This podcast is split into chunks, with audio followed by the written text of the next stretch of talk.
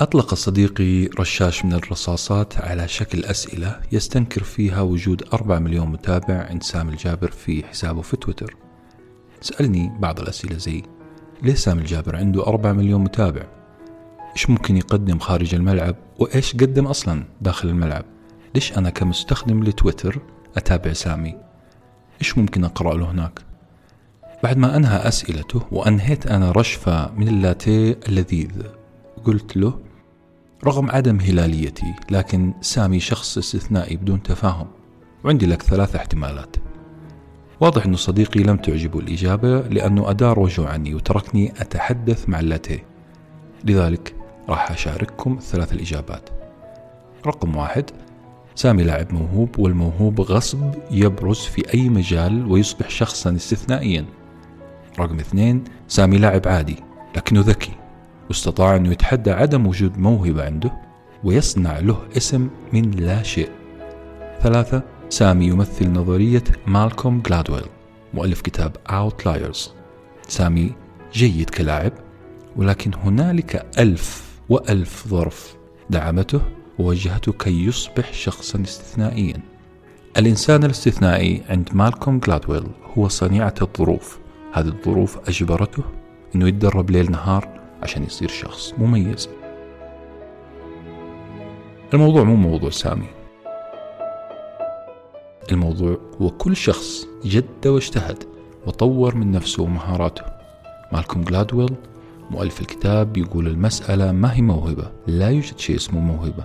الموضوع هو موضوع عمل وتمرين وتدريب دؤوب وظروف ساندتك لتعمل بجد وتصبح شخصا استثنائيا.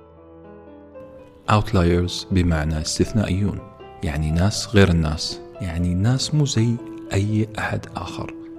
استثنائيون كتاب استثنائي هو الآخر لأنه ما يشبه كتب النجاح الثانية.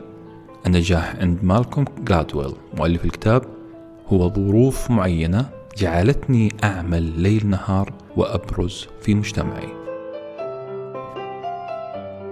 لغز مدينة روسيتو. قصة شعب لا يموت أفراده إلا بسبب كبر السن فقط. روسيتو مدينة إيطالية تقع حوالي 100 كيلومتر جنوب روما. عام 1882 انتقل 11 شخصا من هذه المدينة عبر المحيط إلى أمريكا. بالتحديد راحوا لنيويورك. عاشوا أول أيامهم في الأزقة وناموا على الأرصفة قبل ما يتجهوا إلى مناطق أخرى قريبة بحثا عن وظائف. السنة اللي بعدها بدأت أفواج الإيطاليين تتجه إلى أرض الأحلام أمريكا. الإيطاليين بدأوا يتجهون إلى أمريكا وتدريجيا تكون عندنا شعب روسيتو جديد في بنسلفانيا. بدأ يتكون المجتمع الروسيتي عن طريق شراء الأراضي شق الطرق. بنوا منازل بدأوا في زراعة البصل البقوليات البطاطا الفواكه. زرعوا العنب وصنعوا خمورهم المنزلية. افتتحوا مطاعم بيتزا ومكرونة. بنوا لهم كنيسة. وعينوا أول واعظ في هذه المدينة الصغيرة؟ نعم روسيتو الجديدة أصبحت مدينة تحمل نفس اسم المدينة الإيطالية لكنها الآن في أمريكا. هذه المدينة الأمريكية روسيتو محاطة بمدينتين واحدة منهم شعبها إيرلندي والثانية شعبها ألماني.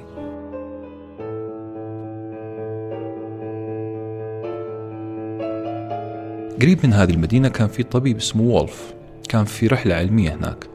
هذا الطبيب متخصص في مشاكل الهضم. يقول الطبيب وولف وأنا هنا أقتبس دعيت لألقي كلمة في ملتقى طبي في بنسلفانيا. بعد أن انتهيت من كلمتي دعاني أحد الأطباء المحليين آه، عشان نتناول مشروب في حانة قريبة. صدمني هذا الطبيب من خلال معلومات كانت السبب في شهرتي. الطبيب قال لي وولف لي في مهنة الطب 17 سنة. يجيني مرضى من كل مكان. ما قد جاني شخص واحد من روسيتو عمره أقل من 65 سنة ويشتكي من مرض القلب. لا يوجد شخص أصغر من 65 سنة من مدينة روسيتو يعاني من مشكلة في القلب. طبعا هذا الخبر كان صاعقة على الدكتور وولف لأنه في ذلك الوقت لم تكتشف بعد علاجات خفض الكوليسترول. بالعربي أمراض القلب كانت وباء منتشر في أمريكا والسبب الرئيسي للوفاة. لكن روسيتو كانت استثناء. بدأ الطبيب وولف رحلته لاستكشاف هذه المدينة الغامضة. هذه المدينة التي لا يموت سكانها بأمراض القلب. افترض في البداية الدكتور أنها بسبب عادات أهل روسيتو الصحية والغذائية. لكن المفاجأة فين؟ المفاجأة وجد أنه أهل روسيتو يأكلوا بيتزا. بيتزا سميكة. متروسة سجق وجبن وزيوت. الحلويات عندهم أدسم من أدسم محل حلويات قد عرفتوه.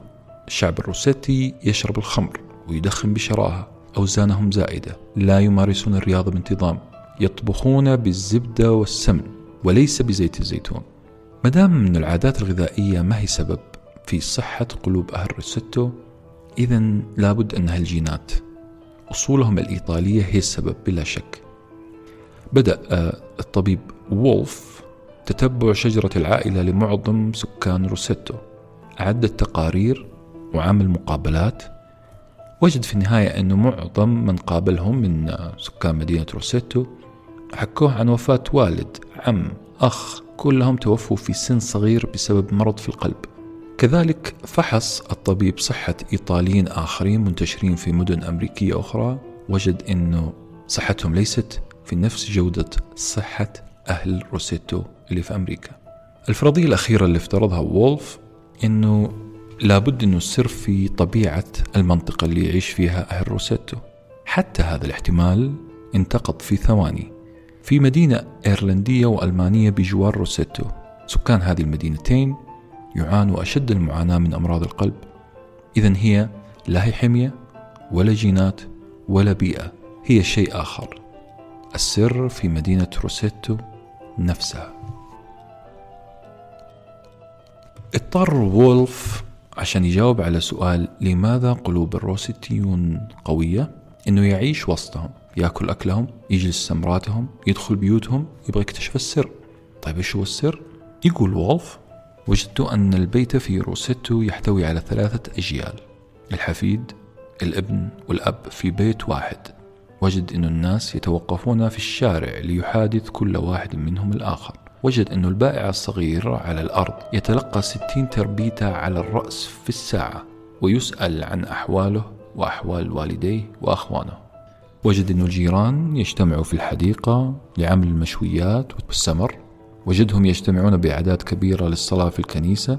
يقول وولف إنهم يجتمعون ككتلة واحدة. مجتمع يرفع الواقف فيهم من وقع. السر في كلمة مجتمع. الفكرة أن أهل روسيتو نقلوا ثقافة جنوب روما إلى قارة جديدة. قارة هي أمريكا. قارة أمريكا آمنت بالفردانية المتطرفة. أهل روسيتو خلقوا مجتمع جديد في مكان قدست فيها الخصوصية واختفت حلاوة التكافل الاجتماعي. نعم روسيتو كانت استثنائية فعلا. كتاب استثنائيون يحاول أن يفعل ما فعله الدكتور وولف في روسيتو أن يكتشف ما سر بروز شخص business منتج شركة أو منظمة على حساب آلاف المنافسين الآخرين.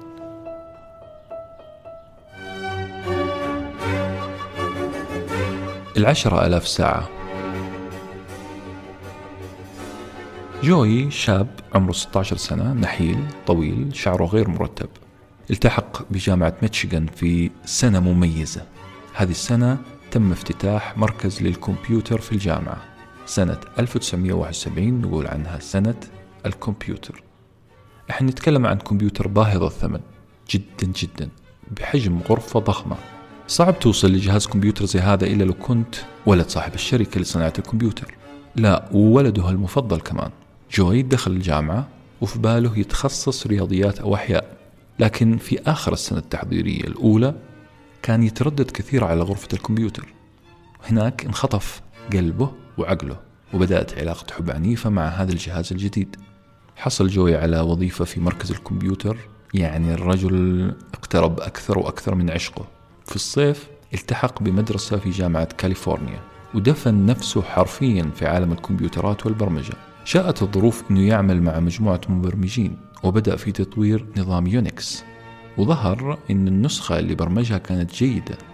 جيدة جدا جدا جدا. بعد التخرج جوي أنشأ شركة في سيليكون فالي مدينة التكنولوجيا في أمريكا واحتك أكثر وأكثر بخبراء الكمبيوتر. خليني أقول ملاحظة بسيطة بعدها سؤال. الملاحظة هي سوق الكمبيوترات في ذيك الفترة كان يعج بالمبرمجين المتميزين. كثير ناس شاركوا في كتابة وإعادة كتابة أنظمة التشغيل. لكن جوي هو أبرز الناجحين فيهم. جوي هو اللي نجح. العقل والمنطق يقول أن جوي كان موهوب. جوي خلق ليكون مبرمج كمبيوتر. خلينا نقول السؤال. هل تؤمن عزيزي المستمع بالموهبة الفطرية؟ الموهبة اللي مالي أنا ولا أنت أي دخل فيها؟ شيء ولدت فيه. شيء تميزت فيه بدون تدخل. طبيعي تقول نعم مو كل لاعب كرة ناجح نجح بالواسطة. الموهبة تفرض نفسها. هذا اللاعب ناجح لأن عقله تم تركيبه بطريقة تخدم هذه اللعبة فقط. جلادويل هنا يحمل صوته ويجلد قراءه أول جلدة ويقول عالم النفس الدقيق يرفض هذه النظرية. الموهبة الفطرية هي جزء بسيط جدا. عامل سطحي جدا لنجاح البشر. الإعداد والتدريب هما صانعا الشخص الاستثنائي. موزارت أعظم موسيقي مر في التاريخ. موهبة فطرية كما يقال. الدليل أنه بدأ تأليف الألحان في عمر ست سنوات بدون شك هي موهبة فطرية. إذا موزارت استثنائي بالفطرة بالجينات بمعجزة. جلادويل يصرخ يقول لا وألف لا. موزارت إنسان صنع ولم يولد موهوب. يا ترى إيش هي حجة جلادويل يقول جلادويل أنه أعمال موزارت كانت عادية جدا. معظمها إما أن والده هو اللي ألفها أو كانت مقتبسة من مقطوعات شهيرة في ذلك الزمن. أشهر أعمال موزارت والتي تصنف اليوم على أنها تحف فنية لم تتم إلا عندما وصل عمره إلى الواحدة والعشرين.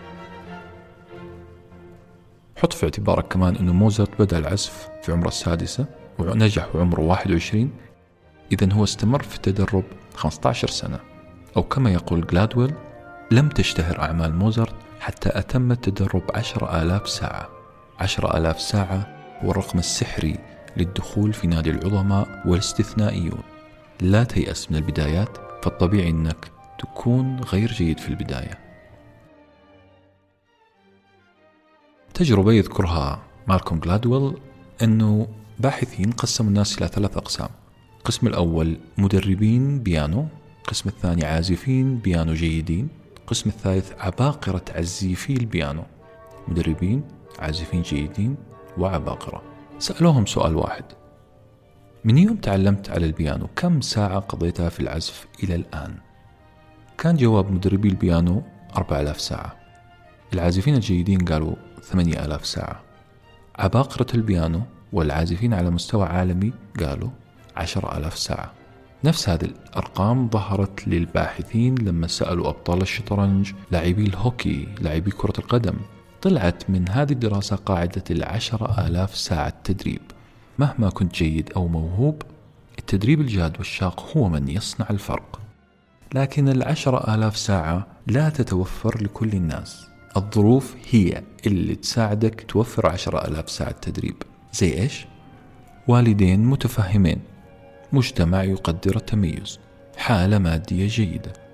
جلادويل يقول هنا التدريب الشاق والمنظم ما هو متوفر لكل أحد. لذلك الظروف هي من تصنع شخص استثنائي وشخص غير استثنائي. في ناس كثير بيختلفوا مع المؤلف هنا.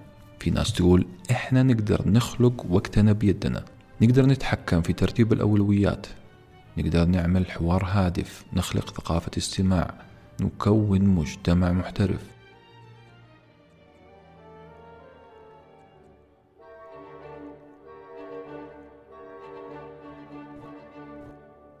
لو أحد سألك إيش طلعت من كتاب Outliers قل له التالي القاعدة رقم واحد. عندما تبدأ في التدرب على مهارة جديدة لا تحاول تتوقع أنك حتكون جيد في الساعات الأولى. معظمنا نيأس في أول المشوار. نفسي أفهم على أي أساس نبغى نكون بارعين في البدايات. الموضوع يحتاج تعب جهد وقت. كل ما شفت نفسك تعمل المهارة بشكل سخيف أضحك وأعرف شيء طبيعي. هذا المفروض يكون. خليك على الطريق واضحك على البدايات. انتظر النتائج لاحقا. وانتبه لا تقارن نفسك بناس لهم باع طويل في المهنة. للأسف في ناس تتحطم في أول السلم. طبيعي أول السلم يكون أداءنا سيء ولهذا وجد التمرين. انتبه لا تقول هذا المجال مو مجالي لأنك في بداية التمرين وجدت عملك سخيف. القاعدة الثانية الموهبة ليست كل شيء. الكرة الأرضية تقدس كلمة موهوب. كم واحد في جلستك في بيتك عند أقاربك تسمع يقول فلان آدمي ولد ليكون عظيما. الشخص هذا انولد عظيم. مالكوم جلادويل يعترض بشدة ويقول ما نسميه موهبة فطرية هي آلاف وآلاف الساعات من التمرين التي لم ولا نراها. وهذا هو رأي جلادويل. الإنسان صفحة بيضاء. اللي تكتبه في هذه الصفحة البيضاء حتكون شخصيته. جلادويل يقول الدراسات أثبتت أنه لا يوجد شخص تمرن أربع آلاف ساعة وأصبح محترف. متخيلين؟ أي شخص تجده شخص عادي في مهارته هذا الشخص لم يصل إلى العشر آلاف ساعة. الاستثنائية هي ساعات وساعات وساعات من التدرب الخفي. أكيد عندك أحد أصدقائك كان ينام طول الترم. وتفاجأ في نهاية السنة أنه جايب مية من مية وأنت اللي قاعد تسهر وتذاكر جايب ثمانين من مية. حتسميه عبقري. مالكوم جلادويل يقول لا هو مو عبقري. هو إنسان تدرب كثيرا. إلى أن أصبح ماستر في المادة. الفرق الوحيد إنك ما شفته وهو يتدرب. القاعدة الثالثة والأخيرة التدريب المركز هو الحل. خلينا نتخيل أنه زميلك بيشتكي ويقول أنا ذاكرت طول الليل ولمدة شهور ولا قادر أستوعب ولا أبرز. جلادويل يفرق بين التدريب العادي وبين التدريب الشاق الموجه المركز. جلادويل يقول في تدريب شاق موجه مركز. أنا مركز على المهارة اللي قاعد أشتغل عليها. وفي تدريب يتخلله عشر دقائق تضبيط شاهي خمس دقائق واتساب 20 دقيقة سرحان 10 دقائق تأمل في شجرة الصبار في زاوية الغرفة. حتى لو كنت جيد ما حتقدر تصير استثنائي إلا بالتدريب الشاق المركز. وأخيرا عزيزي المستمع تذكر أول مراحلك طبيعي تكون غير جيد. الموهبة هي آلاف الساعات من التدريب الغير مرئي التدرب المركز هو الحل وليس التدرب المليء بتويتر والشاي والمكسرات.